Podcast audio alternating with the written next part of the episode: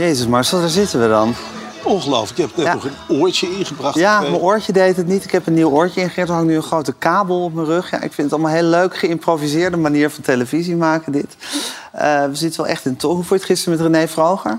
Eh, wennen, heel eh, direct Amsterdams. Ik ben blij dat we vanavond een andere afslag nemen. Toch een beetje meer diepgang. Ja. Met echt een intellectueel, Sander Schimmelpenning. Ja. En iemand die alles van de natuur weet. Arjen Posma. Ja, en op een manier, zo, als je een talkshow hebt... er komt altijd een moment dat je Arjen Postma aan tafel krijgt. Het is, iets, het is een soort natuurwet, is het eigenlijk. Het is iets onvermijdelijks. De man is een fenomeen. We hebben alle twee tegenover Arjen Posma in de slimste mens gezeten. Dat is een traumatische ervaring geweest voor ons allebei. Ik heb drie uitzendingen met hem gezeten. Ik weet niet hoeveel jij er met hem hebt Eentje, gezeten. maar wel, het voelde als een hele lange. Ik, ik heb wekenlang heb ik die stem nog in mijn hoofd horen dreunen. Hij weet echt alles van dieren. En dat etaleert hij ook graag. Ja. Ik graag parallellen tussen de mens en het dier. Heel leuk om dat vanavond in onze eigen talkshow mee te gaan maken. Ja. Trek er maar een kwartiertje vooruit. Dus dat is al hartstikke leuk. Nee, Ja. Ik verheug me ontzettend op deze We uitzending. gaan er gewoon wat van maken. Ja. In onze eigen talkshow, de zevende aflevering van Marcel en Gijs.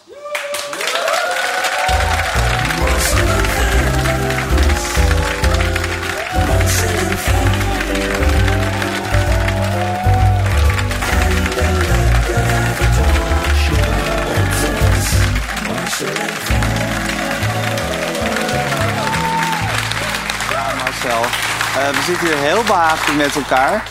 Eh, en we hebben een hele mooie vriend van de show. Zou jij die misschien aan willen kondigen?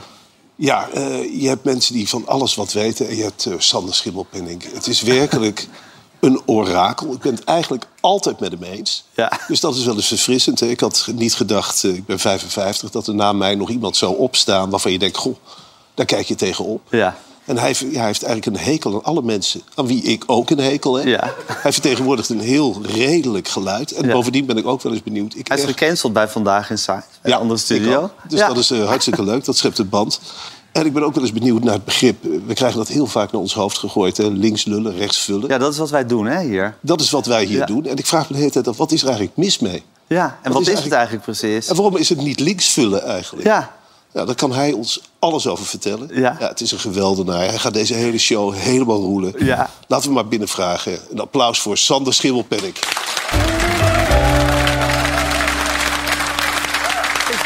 Wat, jongens?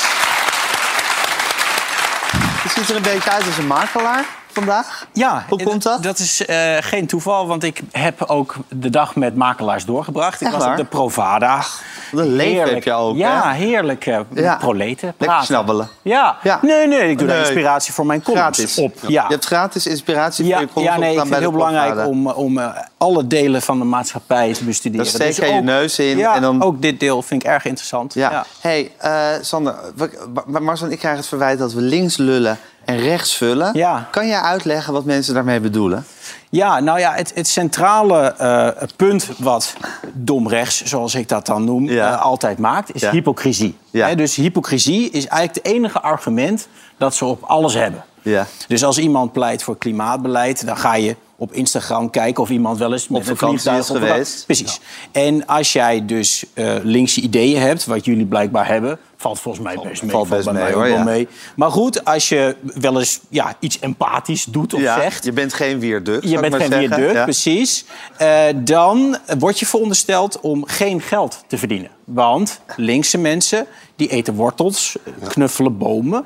eh, en rijden geen auto, zitten in de tweede klas van de trein. En eh, dat, dat mag dus niet. En Ja, dat is ja. natuurlijk... eh, ja, als je dus hypocrisie als het enige argument hebt... dan ga je dat soort dingen Dan zeggen. ga je dat soort dingen zeggen. Ja. Marcel, vind je dit afdoende uitleg? Ik vind Snap het een hele goede nu? uitleg. Eh, ik ben blij met deze uitleg. Eh, meer kan ik er eigenlijk ook niet over zeggen. Oké, nou goed, het was jouw verzoek om hier uitleg over Ja, te nee, maar krijgen. het is mij nu helder. Heel goed, heel fijn. Nou, Dan gaan we even het nieuws doornemen, want er was nogal wat nieuws. Eh, minister Kaag, hè, over eh, ja, iemand die het ook altijd zwaar te verduren krijgt... uit de hoek van de mensen waar we het net over hadden. Minister Kaag sprak zich vandaag uit op Twitter. Er was een ambtenaar van het ministerie van Financiën geweest... die een Twitterbericht, een filmpje had geplaatst over, eh, eh, ik geloof, de gevaren van kopen op krediet. Eh, daar is toen een ongelooflijke hoeveelheid racistische reacties onder komen te staan. En minister Kaag vond dit het moment om daar dan weer een filmpje over te plaatsen. Een medewerker van het ministerie van Financiën gaf uitleg in een video op Twitter over nieuwe voorstellen voor consumentenbescherming. Op deze video kwamen racistische reacties. Geen commentaar op de inhoud, maar pure haat en belediging. Ik vind dit onacceptabel. Ja, Marcel. Ja, eh, wat mij betreft eh, had ze het ook gewoon kunnen zeggen. In een of andere microfoon hoef je niet een apart filmpje voor op te nemen. Kan natuurlijk wel. Op zich zegt ze het in een of andere microfoon hier. Ja, Ja. ze neemt een apart filmpje op. Ja. Ja, het hoeft niet. Je kunt er ook een beetje iets laconieker eh, opvatten. Maar het kan natuurlijk wel. Nee, is het ook goed om juist niet laconiek te reageren... en een keer gewoon heel boos op zoiets te reageren? Ja. Wat ze vind is, jij, niet, Sander? ze is niet eens boos. Wat, wat ik heel storend vond, is dat op RTL eh, kwam een, een berichtje... en daar staat dan als kop... Kaag haalt hard uit. Ja. Alsof, eh, alsof dit een harde uithaal is. Ik bedoel, Ja. Ze zegt iets wat, we, denk ik, wat ieder fatsoenlijk mens zal onderschrijven... dat het niet oké is om allerlei racistische bagger onder zo'n filmpje te plaatsen. En dan, dan suggereer je dat zij hard uithaalt Ja. naar mensen. Terwijl ze doet gewoon wat ieder fatsoenlijk mens zou moeten doen. Dus Ja. daar zie je weer die soort van valse balans... Hè, die uiteindelijk ook ertoe heeft geleid dat bijvoorbeeld eh, Jeroen Pauw in een talkshow aan haar vroeg... heb je het er niet ook een beetje zelf naar gemaakt? Ja. Eh, die, die, die zie je op sociale media, die valse balans. Terwijl ze eigenlijk op een, op een dan- heel beleefde en correcte manier Ja. hier haar mededeling doet. Waarom roept zij zulke sterke reacties op? Snappen we dat? Nou ja, is dat ze- te begrijpen? Ja, ze heeft... Of is eh, het gewoon een hetze? Het is een hetze, maar ze heeft natuurlijk iets eh, elitairs. Eh, ja, dat, eh, dat heb ik eh, eh, zo- in sommige, voor sommige mensen ook. En dat, Ja. dat vinden mensen verschrikkelijk. En juist haar fatsoen, juist haar eh, eigenlijk gewoon welbespraaktheid en haar rust... dat maakt mensen woest. Dat maakt mensen helemaal gek. Ja. Daar worden ze helemaal woest van, Gijs. Ja. Ze heeft een keer in een interview gezegd van de vleugel stond bij ons gewoon in de huiskamer. Nou, van dat soort uitspraken Ja. mensen heel erg boos. Ja. Ja. Het is heel wonderlijk. ja nou goed. Je, dat- je moet gewoon zijn. En dit is Het, zij is toch gewoon. een veel gezelligere vrouw dan, eh, hoe heet die nummer twee van de PVV? Fleur, Fleur Agema. Fleur Agema. Ja? Als je dan, ja, het lijkt me veel gezelliger om bij Sigrid Kaag thuis wat te eten dan bij Fleur Agema. Maar dat is mijn persoonlijke afwijking. Dat ik Wat denk, denk je dat er gezellig. dan gekookt wordt bijvoorbeeld? Nou, ik denk dat er eh, heerlijk gekookt wordt bij haar. Een lekker stukje entrecote. ja. Eh, nou, wat groenten, Ja, wat aardappeltjes. en, eh, Otto Lengi, hè? Een beetje... Otto Lengi, ja? Denk je dat ze uit Otto Lengi Ik denk dat Kaag Otto, Met zo'n schortel. Otto Lengi Best gezellig, denk Ja. ik. Klassieke muziek. Ja. Wat is daar eigenlijk mis mee? Helemaal niks eigenlijk. Nee, waar maken, we ons, waar, waar- maken mensen zich zo boos om? Ondertussen is Ranier van den Berg, de weerman, eh, onderhevig aan doodsbedreigingen. Als reactie op zijn weerberichten eh, ja, en zijn, zijn waarschuwingen over het klimaat. Ook daar worden mensen weer woedend over. Dit is een primeurtje, Marcel, uit de VARA-gids trouwens. Dat is het meest verrassende. Hè? Dat De VARA-gids wordt dus schijnbaar gelezen. dat vind ik het meest verrassend. Ik heb jarenlang voor dat ding geschreven.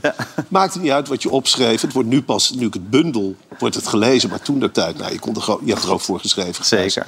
Jij schreef Heel de plezierig. gekste artikelen Ja. over broeken en kleren... wat die mensen aan hadden. Maar nu wordt het in één keer opgepikt. En naar aanleiding van een artikel in de VARA-gids bedreigd worden. Ja. Dan En- is dit land toch wel... En als we weermannen gaan bedreigen, Sander... dan hebben we toch wel een soort mo- bodem bereikt met z'n allen. Ja, eh, wat is de volgende stap? Ja, ik weet het niet. Eh, en en eh, het probleem is natuurlijk ook dat alle weermannen bedreigd worden. Want ze zeggen ook allemaal hetzelfde. Het is, niet, ik, ik, is er een wierduk onder de weermannen? Die dus eigenlijk gewoon, weerman. Ja, dat, Ja. die gewoon zeggen, ja, het is morgen warm, maar ja, het kan Ja, nog warmer. ook ja. lekker. Ja, ook Ja. wel lekker. Heerlijk hete herfst. Ja. Je had wel. Piet Paulusma. hè?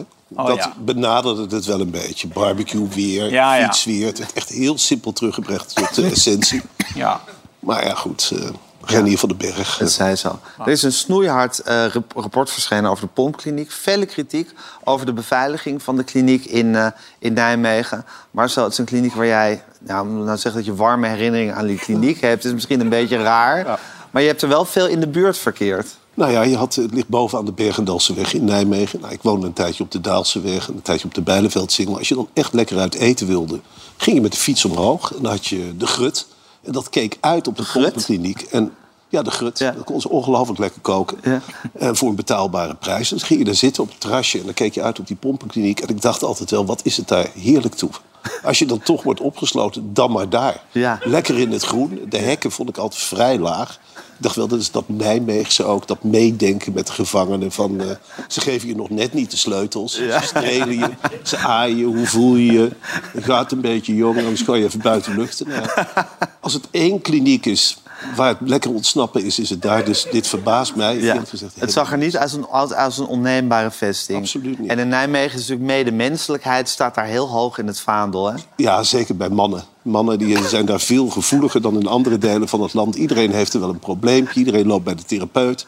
Je, je zit ook wat makkelijker aan elkaar. Eh, het is allemaal heel erg met de snuffers dicht bij elkaar. En zeggen wat je voelt. En ik voel me niet geaccepteerd. Dat maakt, in Nijmegen maakt dat hele grote indruk. En ik stel me zo voor dat bij die pompenkliniek ook een veel minder hard regime heerst... dan bijvoorbeeld in gevangenissen in de Zaanstreek, de Randstad... waar het allemaal wat realistischer Ja, is. precies. Dan word je gewoon keihard achter het zitten. Ken jij Nijmegen een beetje, Sander? Eh, nou, niet heel goed, maar eh, ik heb er onlangs opgetreden. En het viel me inderdaad op dat dat... Ja, dat, dat Ook wordt, gratis? Nee, ja, ook gratis. Nou, inderdaad, gratis. ja. Echt? Ik Oh. heb het aan een goed doel gegeven toen ik daar was. Eh, maar dat... dat ja, Ja, maar dat is ook ja, hartstikke dat, goed, maar dat is Nijmegen. Ja, dat is dat, Nijmegen. hoort erbij. Je, je staat daar en je denkt, ik ga hier toch eh, geen geld verdienen. Dat voelt gewoon niet goed in Nee, de stad. precies. Het heeft En- onmiddellijk gestort. onmiddellijk weggegeven eh, aan de eerste die zich meldde. Eh, nee, maar het, is- het is een hele linkse stad. En dat, eh, ik vind het eigenlijk wel prima. En het, en het gaat ook goed sociaal. met die stad. Ja. En het is de afloop ook altijd zo gezellig. Hè? Ja. Dan heb je daar een praatje gehouden. Dan komen ze allemaal naar je toe en dan zeggen ze wat ze denken. Ja. Geweldig, Sander. Mooi gesproken. Wij vinden daar ook. Ja, ja. Ah, top, heel opbouwend, heel aardig. Ja. Ja. Ja, Eh, Transavia is eh, in het nieuws geweest vandaag. Eh, de vliegtuigmaatschappij die al zoveel vluchten heeft moeten cancelen ook hè, de afgelopen maanden. Ik denk vanwege het klimaat ook dat ze dat hebben gedaan.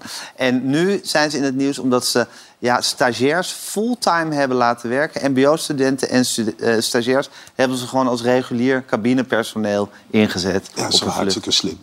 Wij hebben hier dat ook bij, dat vind ik ook het leuke aan Ja. Talpa. Ik heb nu één redacteur, Narek. Ja. Nou, die jongen die werkt 18 uur per dag. Eh, is 17, 18 jaar oud. Doet eigenlijk het werk van meerdere mediameiden die wij hadden bij andere programma's. Nou, kun je de ene opdracht geven naar het andere. Het is gewoon slim van Transavia om goedkoop personeel in te zetten. Je, je zit toch in een slag met allemaal Amerikaanse prijsvechters, Engelse, Britse prijsvechters. Wat is er eigenlijk mis mee? Wat is er nou mis? We hebben toch allemaal in onze jeugd wel eens een keer een avondje doorgehaald. Dat je denkt, nou, hard werken, geld Maar ik vind, verdienen. ik vind het wel knap dat ze die nog weten te vinden.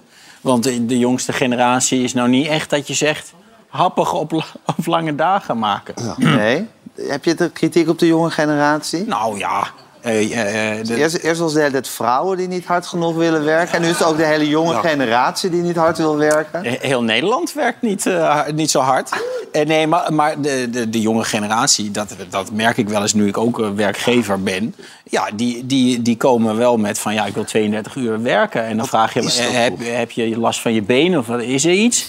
Eh, eh, nee, dat wil ik gewoon. En dan, ja, dan, Ze zijn dan, dat heel is het snel dan. moe. Ja, ze zijn heel dat snel is moe. mij Ja. opgevallen. Ze, ze klagen veel. Ze Ja. hechten heel erg aan En begeleiding, constant begeleiding. Hè? Dus vroeger werd je gewoon in diepe gegooid. Ja.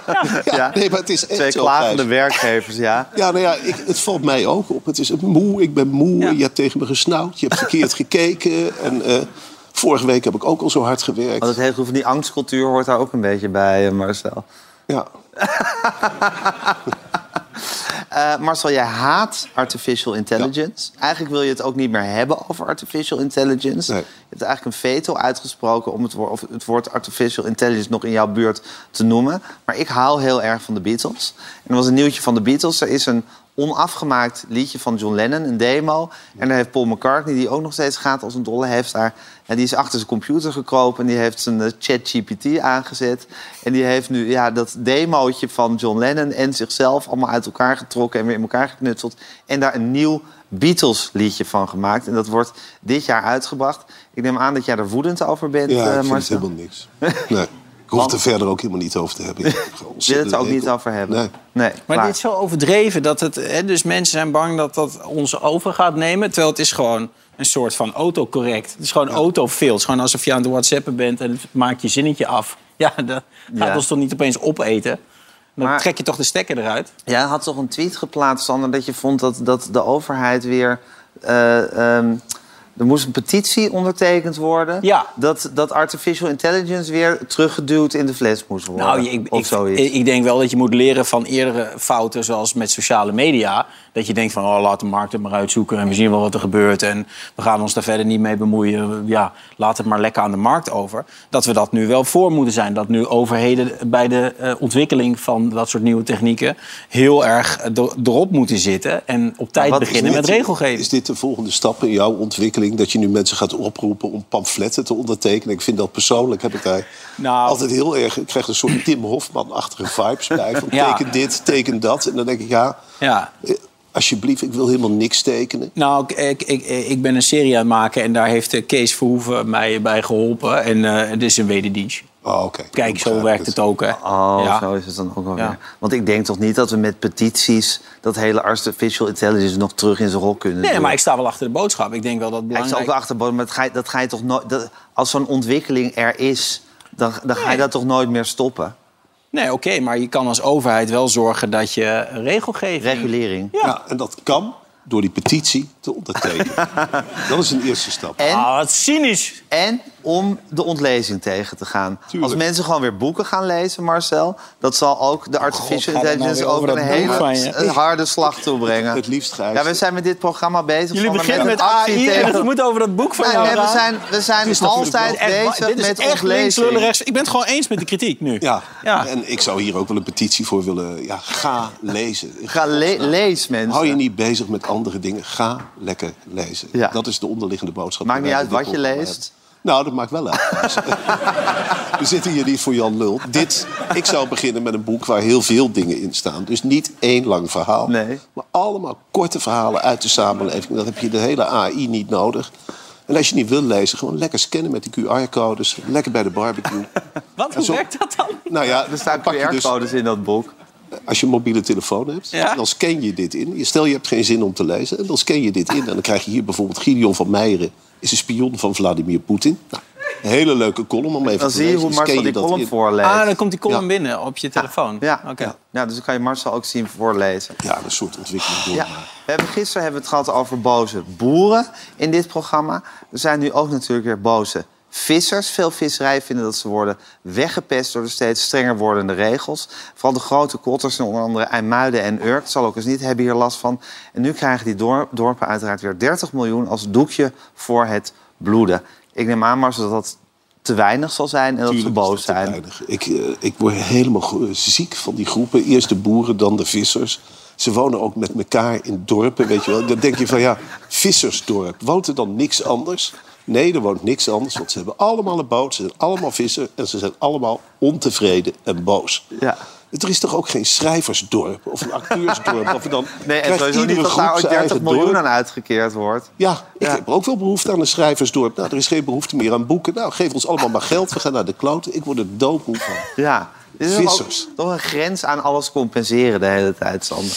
Ja, zeker. Aan de andere kant kun je, eh, als, als, eh, als je zo'n affaire hebt als in Groningen of met de toeslagen, kun je maar beter te veel geven. Dan ben je van het gezeik af, anders Zeker. suddert het tien jaar door.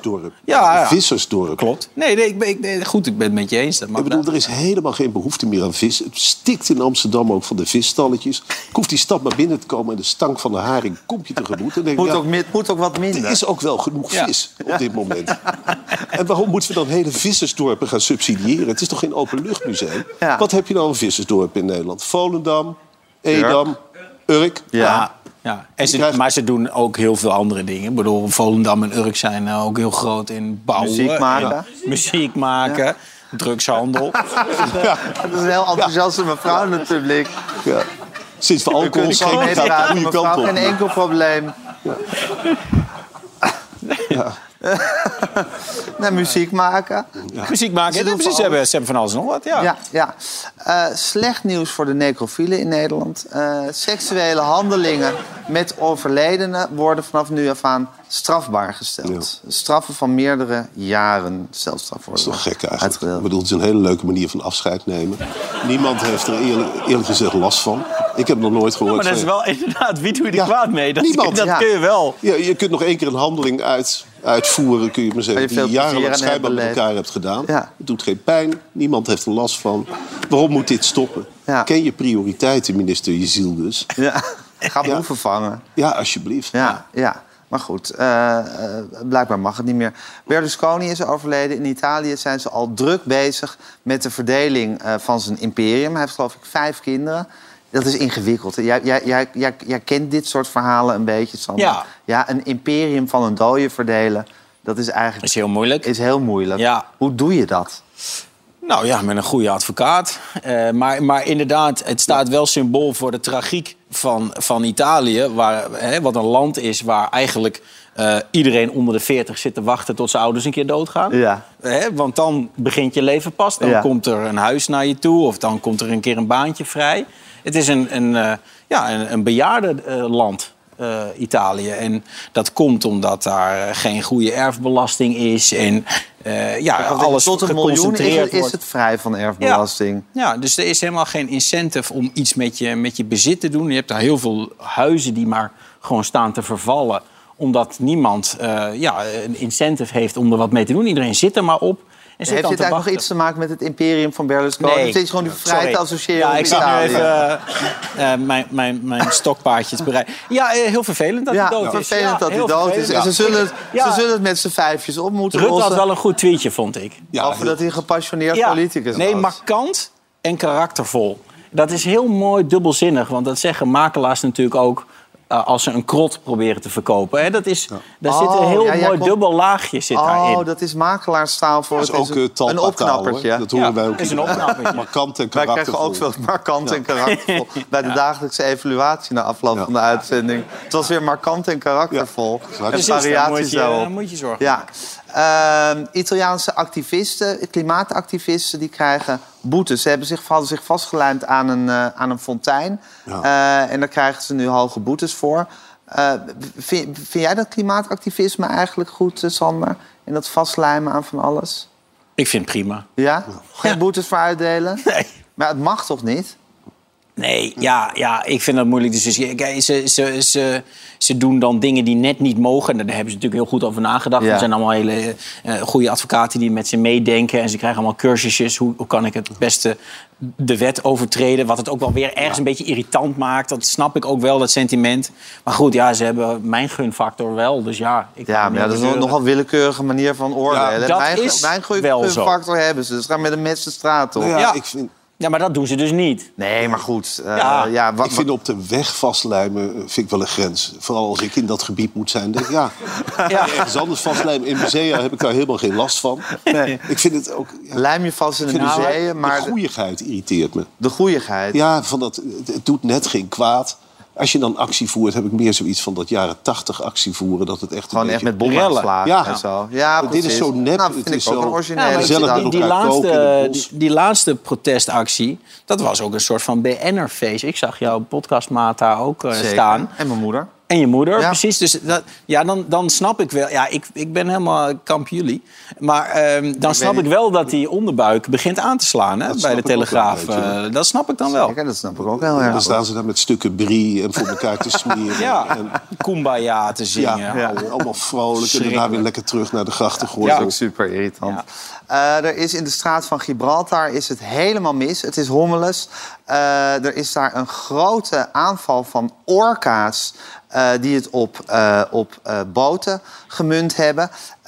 We hebben daar onze redactie naartoe gestuurd en die hebben er spectaculaire beelden van geschoten. Ja. Ja. Dus hier, het, hier in beeld. Een orka. Nou, in de straat van Gibraltar. Het is inderdaad fantastisch om naar te kijken. Het is een rotbeest. En hij zwemt. Ja, hij blijft zwemmen in die straat van Gibraltar. Ik kan me voorstellen dat het ongelooflijk veel indruk maakt. Moet ik er nog meer van zeggen? Van Nee, dit? het is, het, is, het is iets verschrikkelijks. Ja, als je een natuuronderwerp wil behandelen... dan gaat een tv-redactie ongelooflijk met deze man bellen. Ja. Eh, dames en heren, Arjen Posma. Arjen, ik leefde eigenlijk in de veronderstelling dat jij boswachter bent. Eh, dat was ik. Je was boswachter, Ja. maar je weet ook alles over orka's? Nou ja, dat die, als, het maar, eh, als het maar een beetje levend is of levend is Als het geweest... maar leeft, dan weet jij daar eigenlijk alles van. of levend is geweest, dan kan ik er een hoop over mee. Arjen, je hebt dus orka's in de straat van Gibraltar Ja. die boten aanvallen. Ja. Waarom doen ze dat? Nou, dat zijn natuurlijk allemaal theorieën, want we kunnen het niet aan ze vragen.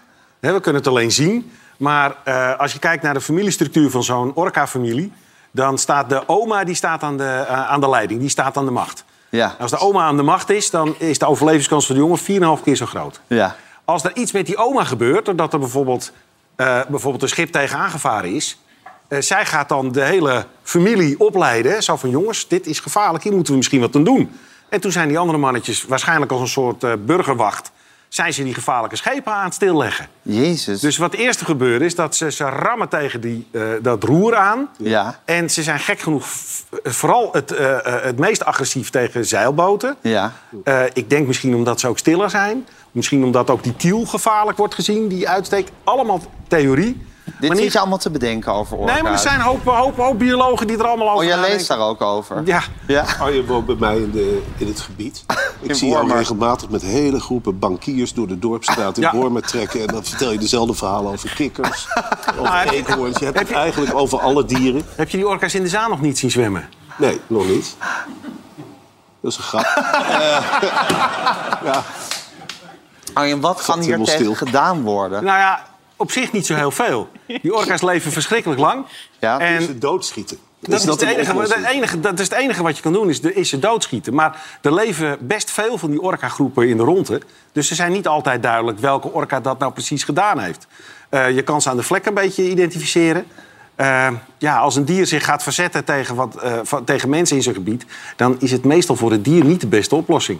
Nee. Want op een gegeven moment gaan mensen inderdaad handelen of schieten of weghalen. Precies, dan wordt het toch de mens tegen de orka. De mens wint altijd. En de mens wint dat uiteindelijk. Maar ja, dat zou, ik zou het wel zonde vinden. Want eh, ik vind het wel een mooi, eh, een mooi fenomeen, die orka's door de straat van Gibraltar. Ja, maar en als er nou kijkers van dit programma zijn... die misschien met hun jacht of hun zeilboot... in de straat van Gibraltar willen gaan varen...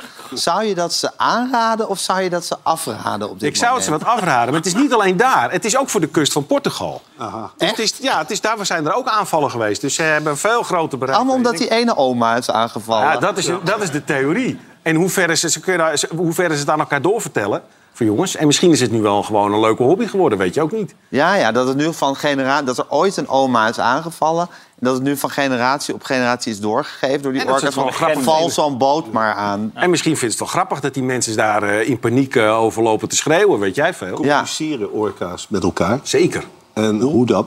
Ze praten. Ja, ze praten, maar, eh, Zoals wij of anderen. Ja, zoals wij eigenlijk. maar dat hoor je toch helemaal niet in de zee? Ik bedoel, als je heel ver weg zwemt, hoe praten ze dan met elkaar? Het gaat veel makkelijker onder water. Omdat water veel dichter is, eh, veel geconcentreerder, draagt geluid vele malen verder dan in de lucht. Dus eh, hun geluiden dragen veel verder dan dat ons geluid draagt. Dus juist onder water is het veel makkelijker praten dan boven water. Zijn het een soort dolfijnen, orka's? Het zijn dolfijnen. Het, zijn van- dolfijnen? Het zijn dolfijnen, ja. Oh, Ze horen bij de familie van de dolfijnen. Ja, Ze heeft natuurlijk een hele goede naam door de film Free Willy. Ja. Dat heeft enorm bijgedragen aan de gunfactor Ja. voor orka's. Terwijl ik nu ook denk, ja, het zijn ook niet de meest sympathieke beesten die er Ja, zijn. ze zien er leuk uit, maar dat Ja. is niet... ja, maar er is in de natuur geen ruimte voor lieve dieren. Want die worden onmiddellijk opgegeten. Dus ja, dus alle dieren zijn... eh, Zelfs het meest schattige beestje, Nou. daar zit een zwart kantje, een zwart randje aan. Ja. koe. Om maar een dier te noemen.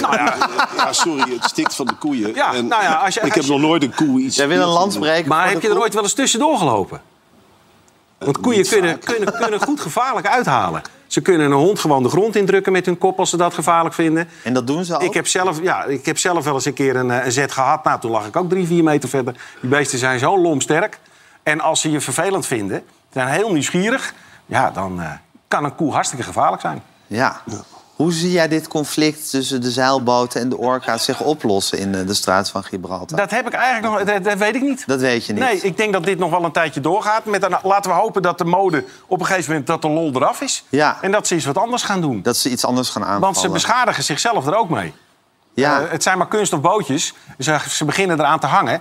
Eh, ze kunnen niet hun tanden de hele tijd wisselen. En Dus, is er ja. in de geschiedenis geen periode geweest... dat de orka eerder zo op drift is geweest? Bijvoorbeeld de Gouden Eeuw. Ehm, Dit is nieuw gedrag. Dit is nieuw gedrag. Er zijn nu ook wel heel veel van die kleine bootjes die rondvaren. Vroeger waren er gewoon minder van dat soort, eh, van dat soort schepen. Eh, het zou ook kunnen omdat zo'n boot misschien een ander geluid maakt. Geen idee waar het precies van komt. We kunnen er met z'n allen heerlijk over bedenken Nou, wat dat er hebben we gebeurt. ook gedaan. Maar Ja. Ik hoop dat het vanzelf een keertje, eh, een keertje ophoudt. Arjen, Dat, eh, het was heerlijk om met je over orka's te filosoferen. Als er weer iets is met een dier, denk ik dat we je heel graag weer willen uitnodigen. Graag, Dus, ja. we- nou, leuk, leuk om te horen. Marcel, ik vond het toch viel mee, toch, met Arjen? Na onze Zeker. vorige ervaring is ja, dit... eh, ik vond het knopt, beknopt, ik vond het helder. Je hield je bij één onderwerp. Dat hebben we ook wel eens anders meegemaakt. Ik ben heel blij tot nu toe met de aanwezigheid van Arjen. nou, Dames en heren, Arjen Postma.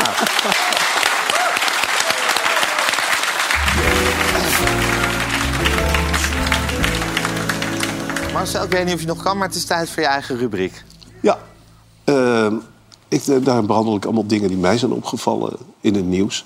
Het eerste is echt mijn lievelingsprogramma Ongehoord Nieuws. Hè, de zender van Arnold Karskens. En daarin vertellen Nederlanders waarom ze toch zijn geëmigreerd uit dat vervelende Nederland. Aan het woord komen Arthur van Amerongen, die zien we niet in beeld. Maar ook Ingrid, Ruben en Gert-Jan vertellen tegen Ongehoord Nederland...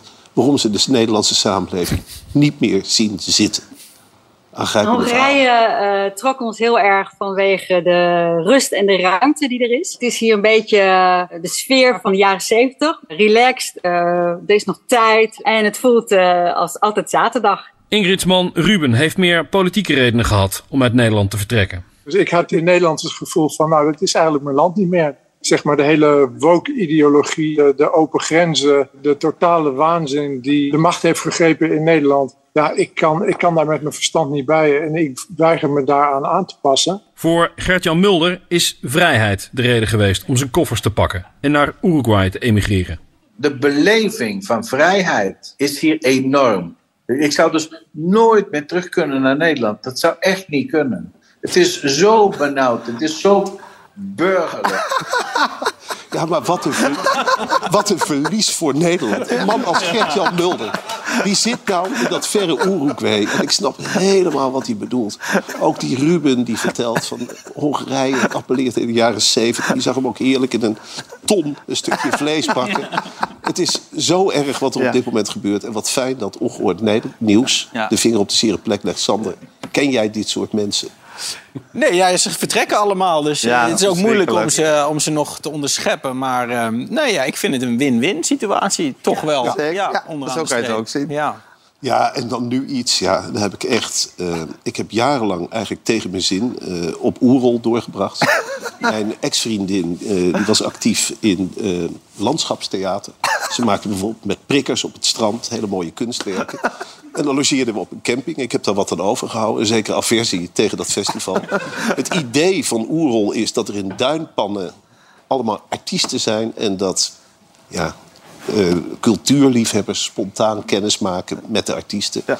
En deze beelden uit het programma Opium, ja, daar heb ik echt van genoten. En dan maakt Partij van de Arbeid politica Hedy Dancona kennis met een groep Italiaanse volksdansers. We hadden nog één voorstel om te kijken of we misschien nog één kort... Want we hebben heel veel geïmproviseerd in dit proces. één korte improvisatie samen met jullie te doen. Zou een tas maar even opzij zeggen, als dat mag. En we hebben heel veel gewerkt met mensen die in de Italiaanse volksdans gedoken hebben. Muzikanten kijken naar de danser en dan vanaf daar gaan ze samen dansen en muziek maken.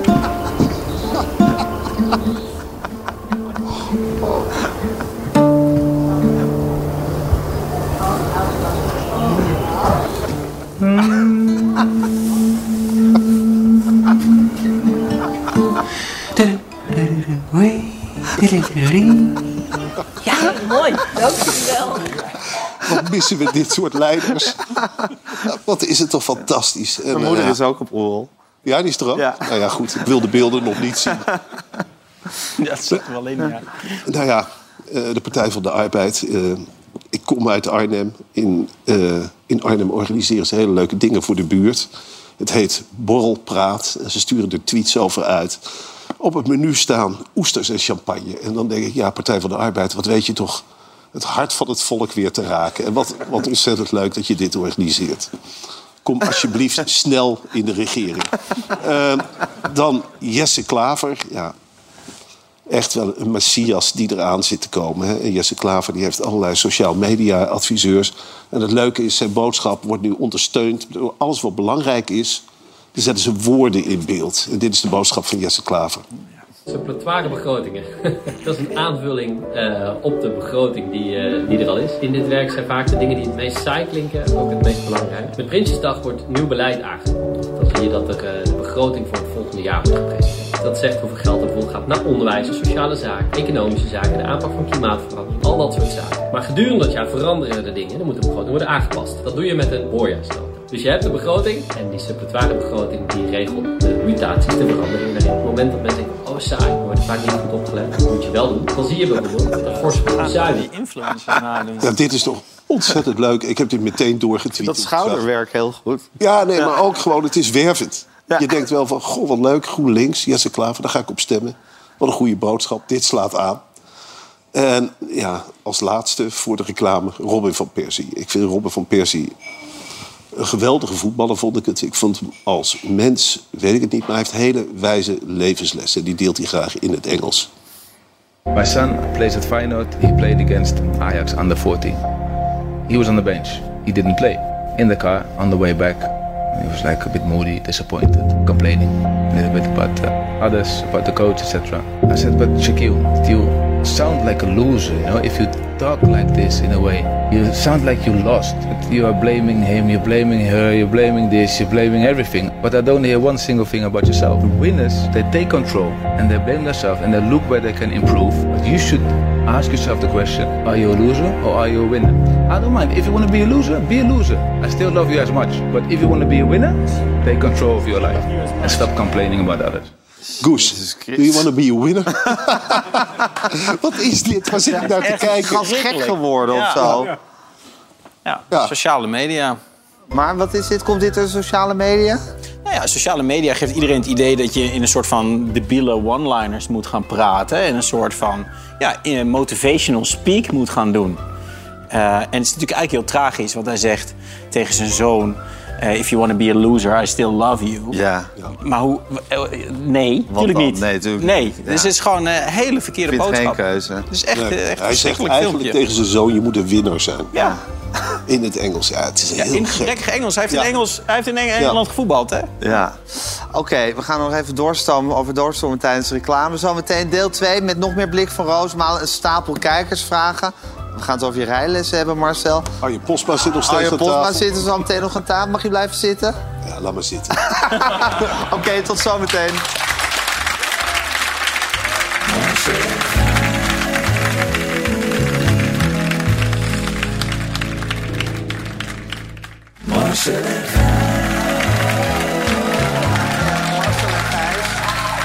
Altijd het heerlijke deel na de reclame. Dan mogen we al bijna naar huis, Marcel.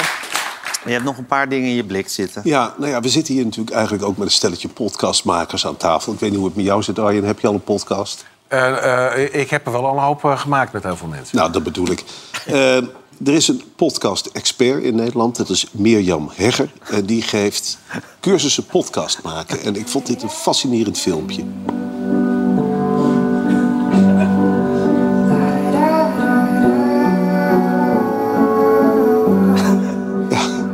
Haalt dus gewoon allerlei media door elkaar. En ik denk, hier valt voor ons ook wel wat te winnen, Gijs. Ga eens een keer lekker verzorgd achter een podcastmicrofoon zitten. Dit is een van de eerste lessen die je Belangrijke lessen. Een hele belangrijke les. haar in de styling En ik ergert mij ook, weet je wel. Ik kijk vaak naar die beelden van podcast. Jullie bij Tony hebben dat ook. En dan zie ik zoveel onverzorgde mensen. En dan denk ik, ja, dit is belangrijk. Dat er een keer lekker fris bij zit. En dan laatste, ja, ik ben heel erg van de boekpromotie. Eh, Ik vind dat ongelooflijk belangrijk. De ontlezing Tegen de ontlezing. is ontzettend belangrijk. En zeker op een volkszender als SBS is dit echt wel belangrijk om goede boeken te promoten. Helaas duiken er ook andere vogels in dat gast. Ik zat gisteren naar Chateau Meiland te kijken. Ja. Ja, en dan wordt daar een soort plaatjesboek eh, gepresenteerd door Jan Dijkgraaf. De beruchte columnist of columnist. Hij schrijft briefjes. En die schrijft dan ook een boek over Maxime Meiland. Een vrouw die helemaal niks heeft meegemaakt in haar leven. Laten we even kijken naar de boekpresentatie. Gisteren uitgezonden. Twee jaar geleden begonnen we met het boek van eh Martien. En toen sprak ik ook eh Maxime. En toen zei ik na een uur... Jezus, jij bent zelf een boek. En uiteindelijk vond zij dat ze een boek waard was. Het is het eerste boek van de Meilandjes waarin niet gelachen wordt. Of heel weinig eigenlijk. En eh, wij houden het hier eventjes kort. Dus ik geef graag het woord aan eh, die lange, zoals ik wel toch zeg. Dankjewel, Jan. Ja, het is een geweldige spreker. Ja, Jan dat wist ik allemaal niet. Het is, Hij kan echt spreken en schrijven, allebei Het even komt- goed. De schrijfstijl komt ongeveer overeen met de spreekstijl. Het is heel hoe hij mensen naar dat boek toe praat. Dat is nou, ongelooflijk. Je krijgt zin in het boek. Maar koop het niet, mensen. Het is een plaatjesboek. het is een verhaal van een vrouw die niks heeft meegemaakt. Mij, als ik aan een boek zou moeten beginnen, zou ik voor dit boek gaan. Dat is, ja, dan heb je 20, 30 verschillende invalshoeken. Er gebeurt van alles in. Niet dat saaie verhaal van die Maxime Meiland. Nou ja, goed, dat is wat ik wilde bespreken. Hartstikke goed, dankjewel. En dan eh, hebben we nu wat tijd nog voor de kijkersvragen. Beste Marcel en Beste Marcel, hoe gaat het met je rijbewijs? Slecht. Heb je geen rijbewijs? Nee, ik heb geen rijbewijs. Ik, strand, ik kan ongelooflijk goed rijden. Eh, ik strand op de theorie. Er is een soort... De theorie? Ja, het theorie-examen is Dat is echt het allermakkelijkste wat er is. Nee, helemaal niet. Sinds Alexander Pechtold daar de baas is. En serieus, die heeft een manier Is het- gevonden om dit is ook de schuld van tegen te gaan. D66? Ja, dit is de schuld van D66. Ja, verder is niks de schuld Je mag, van D66, maar Oké, dit je mag Dit niet wel. één fout meer maken. Je wordt naar een soort gevangenis gebracht en dan wordt je gefouilleerd. En dan krijg je een scherm en dan krijg je allemaal A, B, C, D-vragen. Eén fout, je bent af en je ligt er weer uit. En dan moet je weer opnieuw die hele theorie gaan leren. Daar strandt ik op. Ik moet namens het team van Marcel en Gijs moet ik melden dat de mokken niet te koop zijn. Er zijn ongeveer 80 mails per dag komen Ja. daarover binnen. Nou, het kan zijn dat John Het is de wel Mol jammer, nu hè, hier dat je- wakker van Je schrikt. doet aan zoveel product placing en de mok wordt er dan uitgepikt. Nou, hier houden we het even bij met de kijkersvragen. Oh. Ehm, Mijn bril weer opzetten. Eh, Angela de Jong is on a roll hè, momenteel. Ze vindt alles slecht. Ik weet niet wat er met haar aan de hand is. Misschien is er iets in haar hormonale huishouding aan het veranderen. Maar het is werkelijk, het is werkelijk niks deugt. Het, niks is goed genoeg. Eh, maar er is één programma, Marcel, waar ze helemaal wild van is. Ja, en dat is eh, Max Vakantieman. Dat, is, dat vindt ze fantastisch. Daar glijdt ze he- helemaal in. Dat vindt ze iets geweldigs. En het kan niet ronkend genoeg zijn. De rest is allemaal slecht.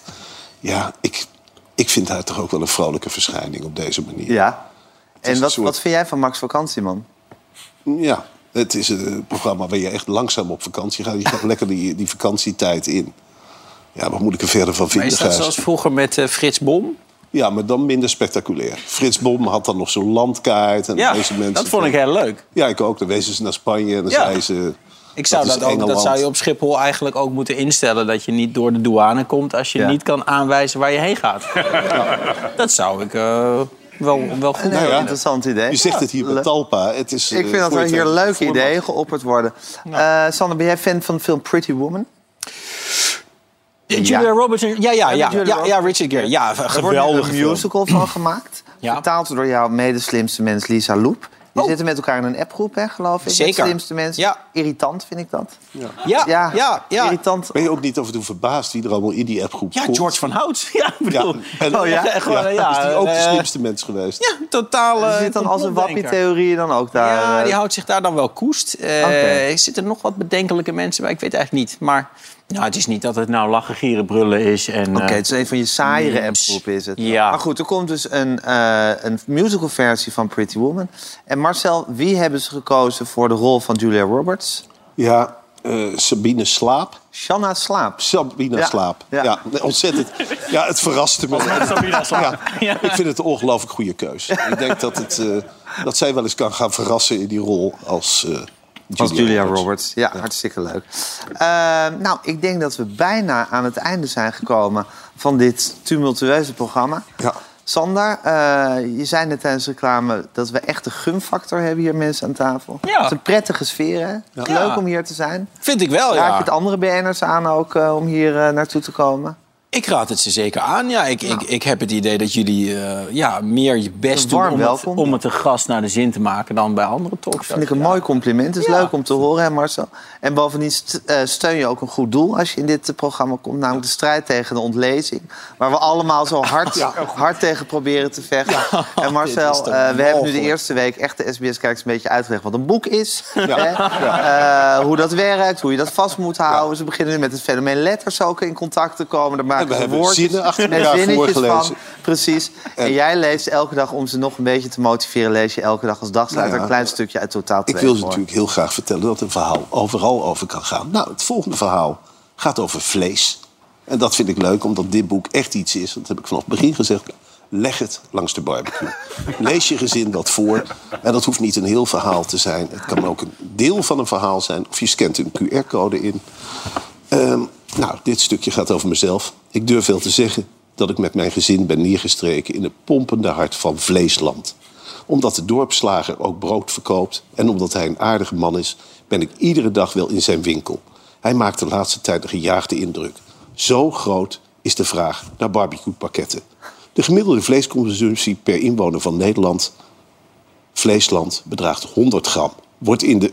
Nou, wat een rare zin. Er klopt helemaal niks van. Dit is geen reclame meer. Ik lees hem opnieuw voor. De gemiddelde vleesconsumptie per inwoner van Nederland, Vleesland, 100 gram... wordt in de gemeente Wormerland moeiteloos met een factor 5 overtroffen.